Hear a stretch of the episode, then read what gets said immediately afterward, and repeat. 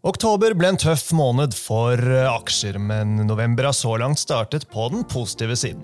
I denne episoden skal vi høre mer om hvordan Paul Harper vurderer veien videre for markedet. Så skal vi gjennom en rekke aksjecase, som flyselskapet Norwegian, fornybarselskapet Scatec, de store oljeselskapene, Europris og litt shipping. Og I tillegg har jeg sett nærmere på hva som var de mest populære aksjene blant kundene våre i oktober.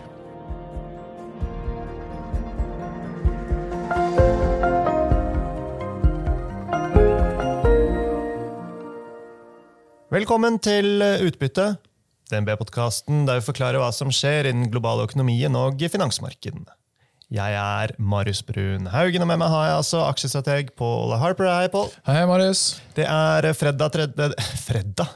Det er fredag 3. november, og klokken har passert tolv når vi sitter her og spiller inn episoden. Og, ja, vi har ikke startet vorspielet helt ennå, Paul. Det er litt tidlig. Eh, denne uken ligger an til å bli en positiv uke for aksjer etter at eh, bl.a. de lange amerikanske rentene har kommet betydelig ned utover i uken. Men hvis vi starter med å oppsummere oppsummere oktober, som jeg synes er på sin plass, så var eh, situasjonen motsatt. Eh, Pål, alt av aksjer eh, gikk tilbake, i hvert fall på indeksnivå, og lange renter opp, da, sammen med gull, som også steg. Men, men det var ingen god måned for aksjer på litt sånn overordnet plan. Nei, renteoppgangen det er en plage for aksjemarkedet. og Kanskje litt overraskende, kan du si, at første halvdel av året så var det sånn at aksjemarkedet stort sett ignorerte renteoppgangen. og vi har sett De store tech-selskapene i USA har jo vært blant de beste aksjene. og Det vil ikke være det man egentlig ville forvente når eh, renteoppgangen har vært såpass eh, stor. Men eh, det vi ser nå, at ja, i hvert fall begynner å komme litt frem til at skal man tro på at det ikke blir resesjon, da er ikke den renteoppgangen bare midlertidig, eh, det vi ser eh, nå. og Da må man begynne å prise det inn. Og Vi tror dessverre at det er sånn at eh, aksjemarkedet er fortsatt litt på etterskudd med å prise renteoppgangen inn ordentlig. Hvis man ser på prising relativt til renter, så er aksjemarkedet nå, hvis vi ser på nordiske aksjer f.eks., priset omtrent på samme nivå som det var når sprakk akkurat før finanskrisen. Så der er det egentlig ikke noe voldsomt å gå på hvis det først skulle få noe uflaks. Så når vi da har hatt rapporteringssesong som har vært egentlig helt ok, men eh, det har ikke vært bra nok til at det blir oppjustering i estimater. Så da har ikke markedet egentlig blitt noe billigere heller eh, med at det øker én i den PE-brøken. Så eh, da blir det fortsatt å være litt forsiktig når det gjelder aksjeeksponering. Men si forsiktig pessimist heller enn veldig aggressiv på nedsiden. Ja, så dette her er kort og godt grunnen til at du velger å opprettholde det litt forsiktige markedssynet. Altså prisingen av aksjer relativt til renter er høyt. Ja, og det er jo sånn at Prising alene er gjerne ikke si, bra nok grunnlag for å lage et investeringscase. Så Vi mangler en trigger, så det er derfor vi ikke er sånn mer fremoverlent på å være negativ. Men det er klart hvis du syns noe er dyrt, og det er ikke så lett å se helt hvordan det skal endre seg eh, på kort sikt, da mener vi at det skal være noe, noe, mer forsiktig, selv om vi ikke ser noe sånn snarlig trigger. Ja. Vi kommer litt tilbake til eh, både renter og makro mot slutten av eh, episoden, men nå skal vi over på det selskapsspesifikke, og jeg tenkte vi kunne starte med en av ukens gladnyheter. Vi får vel kalle det det. Flyselskapet Norwegian de eh, leverte et sterkt eh, tredje kvartal. De tjente 2,1 milliarder før eh, skatt melder om en mye bedre bookingsituasjon enn ventet, og også bedre priser. Altså de klarer å ta seg bedre betalt. Resultatet er at analytikeren vår her på huset jekker opp estimatene for både i år og neste år så dette var vel en god rapport, på? Ja, det syns jeg absolutt. Eh, hvis vi ser på hvordan vi endrer estimatene, og det er gjerne kanskje det viktigste når man skal vurdere om det har vært eh, bra eller dårlig tall, så har vi justert opp eh, EPS for neste år med 10% så det, det må sies å være absolutt godkjent. og Blant egentlig de bedre rapportene vi har sett når vi ser igjennom rapporteringssesongen, så har det jo stort sett vært et flertall av selskapene hvor estimatene er justert litt opp. og Da mener jeg sånn type størrelsesorden 0-2 de, de største endringene har egentlig vært mer på nedsiden. Så mange selskap hvor det er litt opp, en god del hvor det er ganske mye ned, men dette er en av de få hvor det har en ganske solid oppjustering i estimatene. Ja, og um analytikeren vår hadde en kjøpsanbefaling her eh, fra før, men har justert opp eh, kursmålet til 13 kroner og 50 øre. Kundene våre, når jeg ser på alle handlene de har gjort i Norwegian i oktober, så nettokjøpte de aksjen. Så forhåpentligvis da, så er det mange som har hatt en god måned, i hvert fall da, hvis de fikk med seg oppturen de siste dagene. Og det er jo gøy. Ellers, hvis vi ser litt videre for, eh, for Norwegian. Altså, eh, bildet nå uh, ser jo bra ut, men det som også analytikeren påpeker i rapporten, det er at fra januar og videre så sier vel også selskapet selv at visibiliteten er relativt lav. Så hva du liksom tenker om Norwegian-aksjen derfra ut, koker jo ned til hva du tror om makroen, rett og slett. Ja, jeg tror det er egentlig så enkelt eh, som det. at Går det noenlunde greit med økonomien, så har de vist at de klarer å drifte veldig bra. Men flyselskap eh, er et eh, segment som stort sett gjør det dårlig hvis det er resesjon. Så det er liksom ikke der man skal gjemme seg. Selv om det ser billig ut nå, så hjelper ikke det hvis kundene plutselig ikke har råd til å, til å reise. Så ja, det ser, ser bra ut for øyeblikket, men blir det dårlig makro, da er dette her noe som er noe utfordrende. Um, men hvis man tror på en myk landing, at det skal gå relativt bra med økonomien, men det skal ikke koke over sånn at oljeprisen går eh, helt amok, da er jo dette en av de selskapene som kanskje er litt interessant å følge med på. Du har noenlunde attraktiv prising, syns jeg. Syv ganger PE er ikke noe, noe spesielt krevende noenlunde bra liksom, momentum kan du si, i uh, inntjeningen her, så holder uh, makro noenlunde greit. Da virker det som i hvert fall at de klarer å fylle disse flyene, og da kan det egentlig være, være ganske morsomt å være Norwegian-aksjonær, tror jeg. Ja da. Samtidig så eh, skal vi jo ikke eh, gjøre mer enn å se til jeg holdt på å si, venstre eller eh, høyre. Vi har jo også det andre flyselskapet, Norse Atlantic, som denne uken var ute og sa at de trenger påfyll med en kapital. Det er jo bare en påminnelse på om at alt langt ifra er enkelt i flybransjen. Men Norwegian da, de virker jo å ha en bra posisjon, i hvert fall på relativen. Da. Ja, og jeg tror En ting som er veldig viktig her, er at de har en sterk balanse. og Det er liksom i motsetning til forrige gang, i si, den tidligere versjonen av, uh, Norwegian. Har du en sterk balanse, så tåler du mye mer motgang hvis det først skulle begynne å lugge litt makromessig. Så jeg ville tro at de absolutt blir last man standing hvis det viser seg at det blir noe tyngre. Så, så sånn sett så har du sånn den opsjonsverdien, eller tidsverdien av opsjonen, her er vesentlig bedre enn det det har vært i tidligere sykluser. og Det gjør at risikoen blir også noe lavere. Mm. Europris er et annet selskap som har eh, rapportert eh, denne uken. Det er en aksje som også du følger eh, ekstra med på, Pål. Etter hva jeg leser, så bekrefter de med rapporten at de på en måte har et konsept som fungerer i det som jo er en utfordrende situasjon for mange i handelsnæringen generelt nå, bl.a. pga. den dyrtiden vi er inne i, hvor forbrukerne må stramme inn. Hva likte du med rapporten? Ja, altså, overordnet så er kanskje det jeg syns var eh, mest eh, interessant og mest eh, overbevisende, var det at nå ser vi at analytikerne justerer estimatene opp igjen. Etter andre kvartal så var det sånn at det var enkelte som kuttet litt, noen var marginalt opp, men konsensus totalt sett da gikk mer sånn sidelengs til litt ned. Og Det var etter en periode hvor det har vært egentlig stort sett oppjustering i estimater hvert eneste kvartal siden covid. Så Det gjorde at det, det, det så ut som det kanskje den positive trenden var i ferd med å rulle over.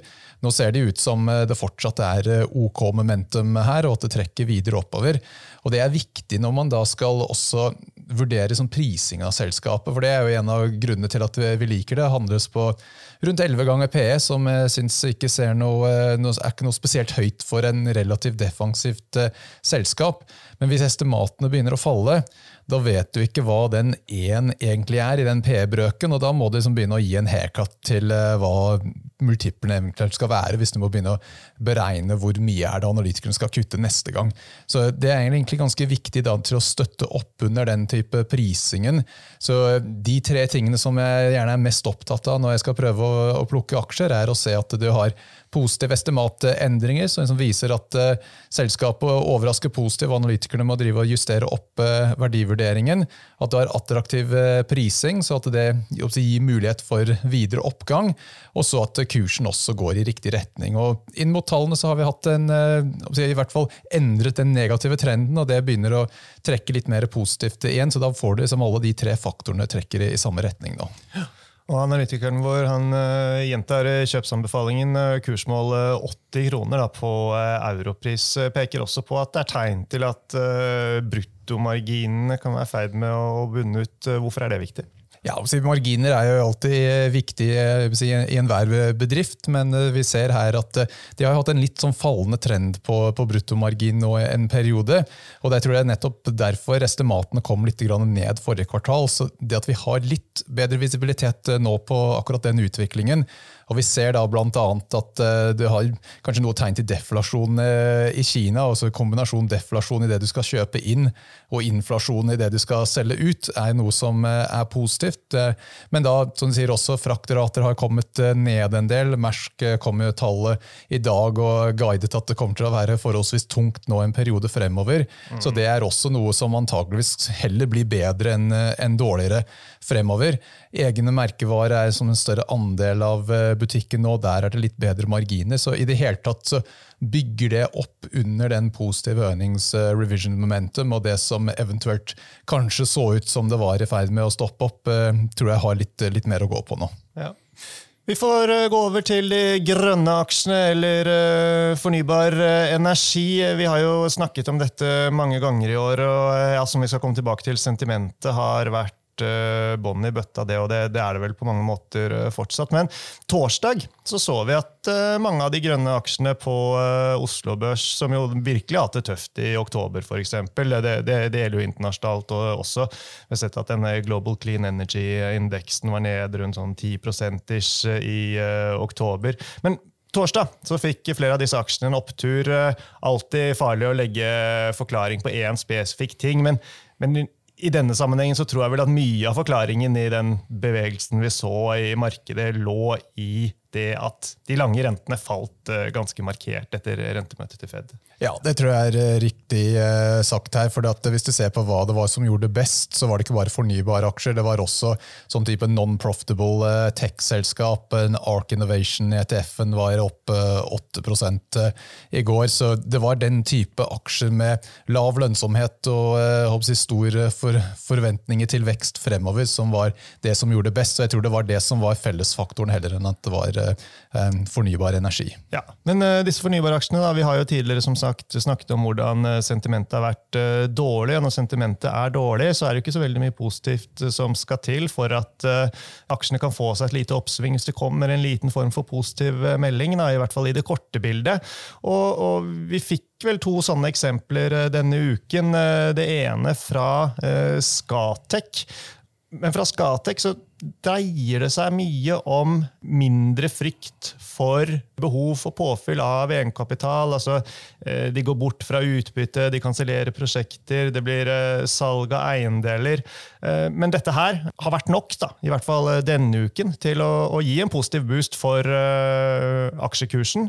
Ganske betydelig positiv uh, boost. og uh, Analytikeren vår her på huset har oppgradert aksjen fra selv til hold og løftet kursmålet fra 55 til 62 kroner eh, noen tanke på? Ja, altså som du sier at eh, Er det veldig dårlig stemning, så trenger du ikke veldig mye positive nyheter for at situasjonen ser i hvert fall litt bedre ut. og Da kan man få en relativt stor eh, rekyl hvis det har falt mye i, i forkant. Ja, vi kan jo også bare gå liksom til danske Ørsted. Den er også blitt oppgradert av analysteamet vårt denne uken, fra hold til kjøp.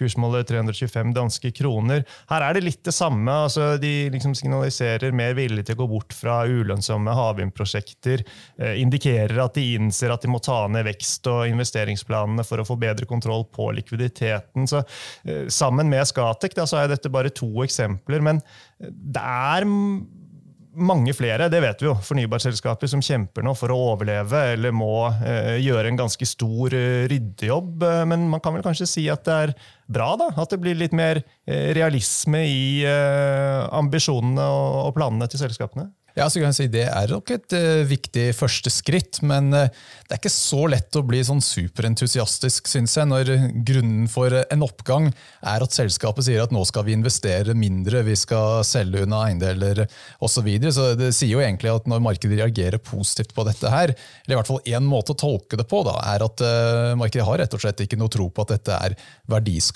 Så Hvis oppsiden i caset er at du skal begrense det du driver på med, så, så klarer ikke jeg å egentlig bli sånn veldig entusiastisk rundt det. Men hvis vi tenker litt mer sånn big picture her, så er liksom det underliggende problemet er at fornybar energi er rett og slett ikke lønnsomt eh, per i dag. Og da er det avhengig av offentlige subsidier. Og det er veldig vanskelig for investorer å regne på det, for da blir det en politisk eh, vurdering som ligger til grunn. Og spesielt når det gjelder eh, grønne prosjekter, så har det liksom en del symbolverdi også. Så det er ikke sånn at det er like lett å egentlig beregne helt eh, hva regjeringer rundt om i verden kommer til å gjøre. og eh, Etter hvert som det er valg osv., så, videre, så kan jo ting også ombestemmes eh, underveis. Men jeg kan si at det store problemet her, for veldig mange globalt, så, er det sånn at statsfinansene går med dundrende underskudd stort sett alle plasser. Og det er ganske høyt gjeldsnivå nå etter covid, og da blir det til at de må prioritere på et eller annet vis. Det er, det er, rett og slett ikke nok penger i potten til å eh, både ha forskjellige typer utgifter rundt eh, sosialhjelp, forsvar, pensjoner, grønne skifte. Det er litt sånn at eh, her må det prioriteres til en viss grad. Og det vi begynner å se nå, er at enkelte politikere nå begynner å kanskje prøver å begrense ambisjonene litt på det grønne skiftet, for de, de skjønner at her er det rett og slett ikke nok penger til å få til alt. Ja. Nei, vi får uh, bare følge med. Altså, jeg trekker jo uh, hver måned uh, kundenes handel. ser på en sånn kurv med 28 grønne aksjer på børsen. og et mål jeg liker å se på da, det er pengeflyten i disse grønne aksjene. Målt, målt opp mot pengeflyten som vi ser i alle aksjer. Og I midten av 2020 så var en fjerdedel av alle pengene kundene, kundene våre kjøpte og solgte aksjer for de gikk inn i disse uh, grønne aksjene. En fjerdedel, altså. Men i uh, oktober nå så nådde vi et nytt, nytt uh, bunnivå med bare 3% Så interessen Eh, I hvert fall blant eh, kundene våre som handler via aksjehandelsløsningen til eh, DNB. Den er på rekordlave nivåer målt på dette parameteret. Så er det ikke sånn at de selger med begge hender, men bare interessen er ekstremt lav. Men det er jo ikke så rart når ting har vært veldig utfordrende. Ja, det er jo rett og slett sånn at hvis, hvis kunden ikke tjener penger på aksjer, så er interessen for å kjøpe den type aksjer også blir jo mindre etter hvert. og eh, igjen da, Tilbake til det problemet at dette er noe som trenger eh, mye finansiering. og Hvis, de hvis store deler av markedet er ikke egentlig interessert i å, å investere i dette, her, så, så blir det enda mer som må da veltes over på det offentlige hvis man skal faktisk få dette til. Så det, det er en, en, stor utfordring nå med å finansiere disse prosjektene, i hvert fall så lenge det er veldig vanskelig å egentlig regne seg frem til noe lønnsomhet i, i disse investeringene. Ja da, Som du sier, både pga. verdenssituasjonen og selvfølgelig også eh, rente 2019, og det skal vi jo komme tilbake til. da, Men eh, ja, eh, de må nok eh, begynne å vise klare tegn til å, å komme ned for at det skal bli litt uh, lettere å, å, å, regne hjem en del av disse prosjektene. Men uh, en annen ting er jo hva de store oljeselskapene gjør, og det virker jo som de uh, i hvert fall justerer på fornybarambisjonene sine. At de gjør litt tilpasninger nå, sånn som situasjonen er med en del havvindprosjekter osv., er kanskje ikke så veldig rart. Og så vet vi jo ikke da hva de gjør på lengre sikt. Eh, men eh, her får vi vel først eh, vite noe om investeringsplanene sånn i starten av 2024, etter hva jeg har forstått. Ja, nei, Det er jo litt uh, interessant det hvor uh, mange av disse oljeselskapene har jo lansert ambisjoner om at liksom, x prosent av investeringer skal være i uh, fornybar fremover. Og det vi har sett hittil, i hvert fall, at de som har vært si, litt på etterskudd der, har jo egentlig gjort de beste valgene så langt. Og det å, å løpe etter prosjekter som fortsatt er i litt sånn tidlig fase, har, har ikke vært noe, noe gullgruve så langt. Mm.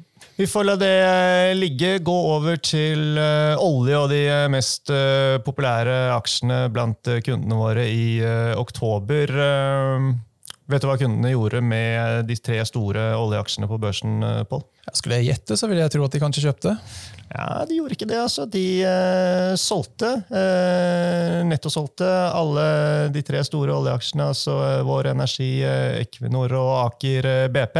Eh, det er jo nærliggende å tro da, at man eh, benyttet anledningen her til å uh, sikre gevinst etter det som uh, jo var en god måned for flere av disse aksjene. Særlig Vår Energi, som vi snakket om også i forrige uke. på.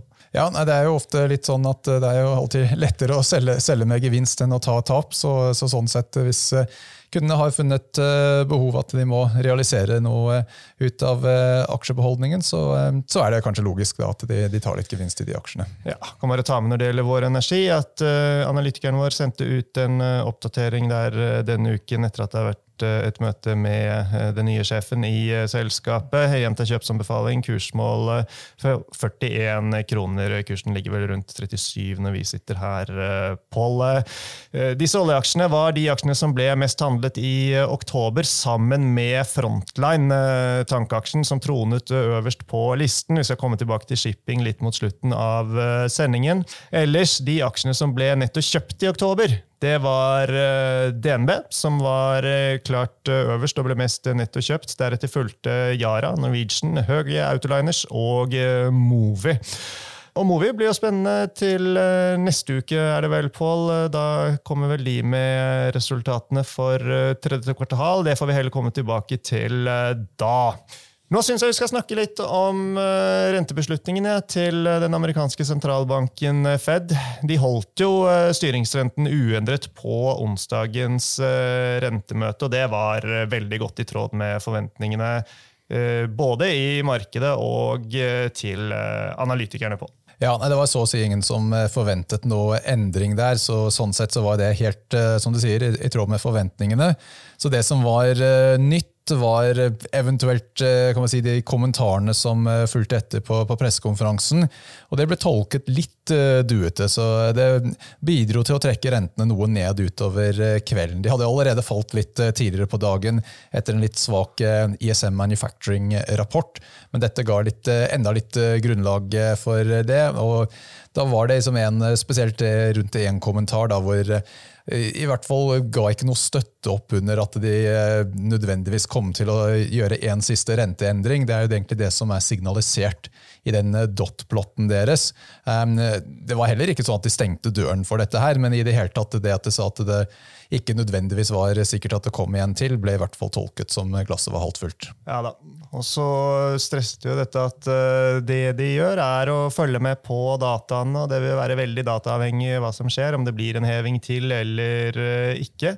Så da kommer det an på hva som skjer med nøkkeltallene, da, Pål. Økonomien så langt er jo den er jo sterk. Ja, det er jo det som har egentlig overrasket eh, mange gjennom hele året. At I starten av året, eller for et år siden, da, så eh, var det egentlig ganske konsensus at det skulle bli en resesjon. Det har det ikke blitt, og estimatene har blitt eh, justert opp jevnt igjennom hele året. og Nå ser det jo ut som kanskje totalt sett så kommer BNP for i år å være kanskje litt overtrend til og med. Så du kan si at Det er vanskeligere å overraske positivt på samme måte to år på rad. for at nå er kanskje det consensus view at det skal være sånn OK vekst til neste år. Så jeg ser at den risikoen eller evnen til å overraske positivt blir mye vanskeligere nå de neste tolv månedene enn det det var eh, de siste tolv månedene. Og Det har jo også en konsekvens når det gjelder inntjeningsestimatene for bedriftene. Det er ikke liksom like lett å overraske positivt når forventningene er eh, mye høyere til å begynne med. Og eh, Der er liksom et av de tingene som vi er litt, litt bekymret over. At når selskapene ikke klarte å overraske positivt i år, til tross for mye bedre makro, hvor sannsynlig er det at de klarer å overraske til neste år når det er høyere forventninger? Og eh, i det hele tatt da ikke noe sånn voldsom eh, momentum ut av eh, det vi har sett de, de siste kvartalsrapportene. Så, så ja, nei, Det blir spennende å se helt hvordan dette utvikler seg. Vi tror også at det kan holde seg en, en stund til sånn noenlunde når det gjelder makroutviklingen. Men vi må absolutt være ydmyk for at det er et tidsspørsmål antakeligvis før denne renteoppgangen begynner å bite. Mm. Det er litt sånn vanskelig å vite helt når det kommer til å være, men at det det ikke skjer noe i det hele tatt, det virker litt, litt usannsynlig. For å ta med da, at Vi får eh, et par nye viktige nøkkeltall allerede i ettermiddag etter at uh, vi er ferdig med å spille inn uh, denne episoden. Da, så Vi får ikke de med oss nå, selv om vi gjerne skulle gjort det. Vi får de månedlige jobbrapporten som jo markedet følger nøye med på. Får også tall for ISM-industrien, som altså sier noe om stemningen og aktiviteten blant, blant industriaktørene. på. Ja, det er klart, Dette er kanskje blant de, de aller viktigste tallene som eh, kommer. og Det er eh, ikke bare payrolls-tallet som er viktig, det er også den average hourly earnings da, som eh, forteller oss noe om hva slags inflasjonstrykk det er. Den lønnsveksten er jo det som kanskje er den viktigste enkeltfaktoren når det gjelder underliggende inflasjon. Mm, mm. Men uansett, altså det er vanskelig, synes jeg, om det blir, altså, blir det en renteheving til eller ikke. ok, Men, men, men, rentekutt eh, det virker jo ikke til å være noe tema, sånn som verden eh, ser ut nå. Men eh, ja, vi vet jo at uh, ting kan endre seg fort, men, men, det virker jo ikke som at det skal bli et tema med det første. Nei, jeg tror markedet priser inn eh, første rentekutt en eller annen gang sånn i midten av neste år. Så uh, det er et stykke unna, men uh, hvis det går forholdsvis bra med, med, makroutviklingen, så er det ikke nødvendigvis åpenbart at det er noe behov for å kutte renten så voldsomt mye. Um, og så kan vi sånn tenke, ja, Hvis de først må liksom kutte én gang og det begynner å dabbe av litt eh, i økonomien, så er det jo nettopp en, en viss risiko for at det blir selvforsterkende. Um, og, og, Så er det jo også en tilleggsdynamikk her som ikke har vært så relevant eh, tidligere at nå er det, det absolutte nivået på statsgjeld i USA blitt enormt stort. og Da blir jo etter hvert rentekostnader en ganske vesentlig del av budsjettet. og Dette blir jo egentlig selvforsterkende. Så, så det er jo litt sånn at Jo høyere rentene er, jo, jo vanskeligere er det å finansiere statsunderskuddet. og Da blir det også til at det i seg selv kan legge videre press oppover på renter. Så det er en viss risiko for en ond sirkel her som kan egentlig holde de rentene noe høyere enn eh, mange forventer. Også her hjemme ble det uendret rente fra Norges Bank eh, denne uken. En heving i desember er eh, riktignok fortsatt på bordet, men eh, makroanalytikerne våre er litt mindre sikre. Og her skal dere få høre fra Kyrre Omdal og valutastrateg Magne Østnord.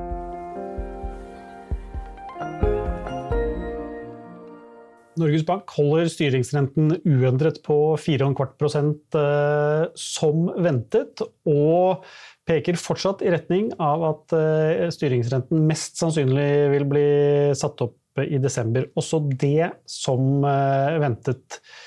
Men de tar et litt ekstra forbehold i forhold til utviklingen i inflasjonen, Grø?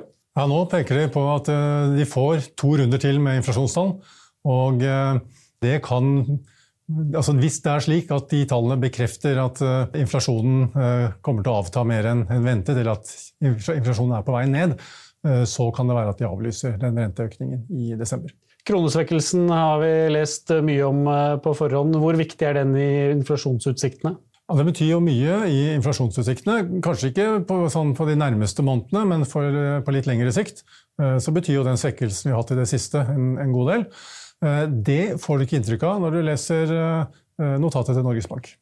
Vel, eh, om det blir en renteheving til i desember eller ikke, får vi nå se på. Men gjør du noen andre vurderinger nå enn for noen måneder siden om utsiktene for styringsrenten litt lenger ut og tidspunktet for første rentekutt?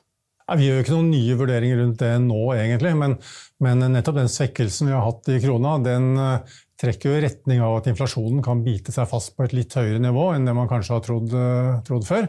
Samtidig er det jo mye usikkerhet om i hvilken grad inflasjonen nå faktisk er på vei ned eller ikke. Og det vil jo vi kanskje få litt svar på i løpet av eh, de to neste eh, rundene med inflasjonstall.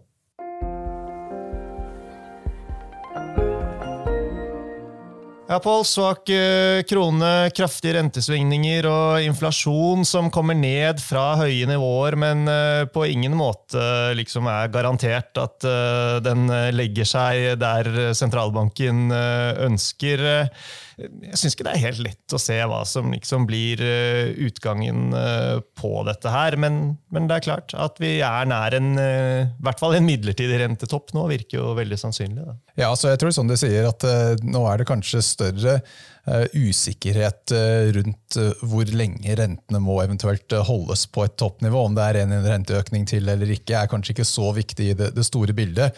Men det er det om de kan begynne å kutte renten igjen etter noen få måneder, eller om renten er på et noe lignende nivå når vi sitter her om et år, f.eks. Så det er et, var, jeg tror det var en sentralbankperson i, i, England som sa det at du må tenke på kanskje rente litt sånn Table Mountain her. At det, det, er, det går opp, og så bare blir det liggende på det høyt nivået ganske lenge. Heller enn at det går opp, og så kommer rett ned igjen. Mm, mm. Men når vi snakker om renter, passer det jo bra å touche innom eh, bankene. Vi skal ikke bruke veldig mye tid på det denne episoden, men eh, litt får vi gjøre. Eh, vi omtaler jo ikke egen arbeidsgiver, men DNB-aksjen den har falt fra rekordnivåene på i overkant av 220 i midten av oktober til rundt 200 nå. Jeg så det at DNB det var den aksjen som kundene våre da nettokjøpte, som jeg sa, klart mest i oktober. Litt sånn samme type kursbevegelse ser vi også i SR-Bank, selv om fallet der fra toppen i, i, midten av oktober ikke er 10% som er i DNB, men mer rundt 5 eh, Og så må vi ta med at i SR-Bank da, så er det jo en eh, tilleggshistorie med sammenslåingen med Sparebank1 Sørøst-Norge. Men ja, noen tanker om bank generelt er vel jeg på jakt etter, Pål? Ja, bank er jo en makrosektor. det også, Vi var litt inne på det når det gjelder flybransjen. Men bank, liksom en enkel regel i bank er at man skal eie bank når sentralbanken setter rentene opp. Man skal egentlig stort sett holde seg unna sektoren når de setter rentene ned. Um, og så Når det er liksom på toppen, så er det litt vanskeligere å egentlig vurdere om man skal eie det eller uh, ikke. Så Når vi har hatt uh, denne rapporteringssesongen, så syns jeg det har vært litt sånn blandet uh, blant bankene. Nå har jeg ikke gått gjennom samtlige rapporter veldig, veldig nøye, men i hvert fall av de som jeg har lagt merke til her, så har det vært litt mer sånn eh, Enkelte har hatt litt høyere lånetap enn beregnet, eh, langt fra alle, men eh, etter å ha hatt flere kvartaler hvor så å si ingen hadde høyere lånetap enn ventet, så begynner vi å merke litt der. Vi ser at utlånsveksten dabber litt av enkelte plasser. Og den rente-netto-marginen blir også mer utfordrende å få noe forbedring på når sentralbanken slutter å sette rentene videre oppover. Så alle de, de viktigste driverne av inntjeningen har gått fra å være veldig bra og veldig sterk til å være litt mer nøytral nå, og så er det egentlig tidsspørsmål før det eventuelt begynner å, å trekke litt i motsatt retning. Så jeg tenker eh, bank er noe som man skal være sånn eh, nøytral-ish i posisjoneringen, men jeg heller kanskje litt mer nøytral minus enn nøytral pluss. og vi, vi, ser det litt i, i aksjekursene på flere av disse bankene nå. Men Er vi ikke liksom tilbake på den der eh, makrospørsmålet da? Tror du på myk landing, så skal det vel gå bra for bankene også? Da klarer de å holde ganske bra på, på lønnsomheten, begrenser lånetapene, og det blir rom for utbytte? Ja, så jeg tror Det er nettopp derfor at det sier si, nøytral, eh, eller nøytral minus heller enn undervekt. Hvis jeg skulle tro på hard landing, så ville konklusjonen vært eh, si, klokkeklart eh, undervekt. For da går det både at låneveksten stopper helt opp, men da begynner du å få lånetap, som da gjør at sektoren går fra å se forholdsvis billig ut, til at det da plutselig slår det mye på, på bunnlinjen hvis det først begynner å komme noe lånetap. Så tror man på en hard landing, så, så skal man egentlig komme seg ut av bank. Mm. Ja, litt shipping eh, til slutt. da. Paul eh, Frontline som sagt, ble den mest handlede aksjen hos kundene våre i eh, oktober, men på marginalen så nettosolgte de. Naturlig å anta at det også her var litt eh, gevinstsikring. da Aksjen har jo vært helt eh, fantastisk i oktober. Den opp eh, ja, 25% pluss. men den har jo egentlig vært fantastisk siden starten av 2022, så denne shippingsykelen den bare varer og varer. den vi ser at interessen er kjempestor for uh, alt av shipping, egentlig. Så vi har trommet sammen til en uh, shippinggjennomgang fredag 10.11. Eh, på webinar her hos oss med shippinganalytiker Jørgen Lian. Benytter anledningen til å reklamere litt for det. Invitasjonen ble sendt ut i dag, så vi håper så mange som mulig av dere får anledning til å bli med på det. Man må jo være da kunde av aksjehandel i DNB for å få med seg denne sendingen. Og det eh, bør man benytte anledningen til. Eh, eller hva, Pål? Det er mye spennende shipping. Ja, Shipping er en fascinerende sektor, eh, og det er si, små forskjeller fra at det går helt fantastisk til at det plutselig går i veggen. og Det er noe som kanskje er litt spesielt akkurat denne gangen. at Vanligvis når du har en god periode, så bestiller de masse båter, og så får du en lengre periode hvor det går veldig tungt. Men akkurat denne gangen, så i hvert fall enkelte segmenter, da bl.a. tank, så er det lite nye bestillinger. og Det gjør at kanskje denne syklusen kan vare en god del lenger enn eh, tidligere. Og eh, Nå har vi også hatt eh, som du sier, en overraskende lang periode med oppgang innenfor tank, men det er ikke sikkert at det er ferdig hvis eh, spesielt da klarer å få en forlengelse av syklusen, sånn at etterspørselen etter olje holder seg relativt greit. For det er lite nye, ny kapasitet som kommer inn, og da blir den tilbuds-etterspørselsbalansen stram en god stund videre. Veldig bra, det. Det får bli uh, siste ord for uh, i dag. Så da gjenstår det bare å si uh, tusen takk, Pål, for at du var med. Og sist, men ikke minst, tusen takk, folkens, til alle dere som hørte på.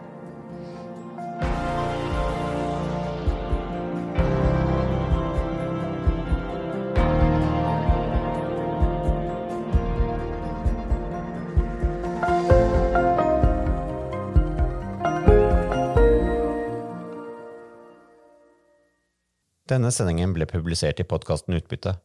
Innholdet i sendingen er å anse som markedsføringsmateriale fra DNB og er ment å være generell spareveiledning. Sendingen skal ikke oppfattes som et tilbud om å kjøpe eller selge finansielle instrumenter, eller som investeringsrådgivning tilpasset den enkelte investors situasjon. En investor som har behov for råd eller har spørsmål og informasjon som gis, bør kontakte en finansrådgiver. DNB påtar seg ikke noe ansvar verken for direkte eller indirekte tap som følge av innholdet i sendingen legges til grunn for eventuelle investeringsbeslutninger. Husk at historisk avkastning aldri er noe garanti for fremtidig avkastning. Avkastningen kan bli negativ som følge av kurstap. Bruk av prognoser for å beregne fremtidig avkastning er heller ingen garanti for fremtidig avkastning. Innholdet i sendingen bygger på informasjon fra offentlig tilgjengelige kilder som DNB ser på som pålitelige, men som ikke er uavhengig verifisert. Følgelig gir DNB ingen garanti i forhold til nøyaktighet og fullstendighet. Alle uttalelser her reflekterer DNBs, den enkelte ansatte, eller andre tredjeparts vurderinger på tidspunktet for den aktuelle sendingen, og kan i ettertid endres uten nærmere beskjed. Ytterligere informasjon om bl.a. kildebruk og interessekonflikter er tilgjengelig på dnb.no skråstrek invest, bindstrek disclaimer.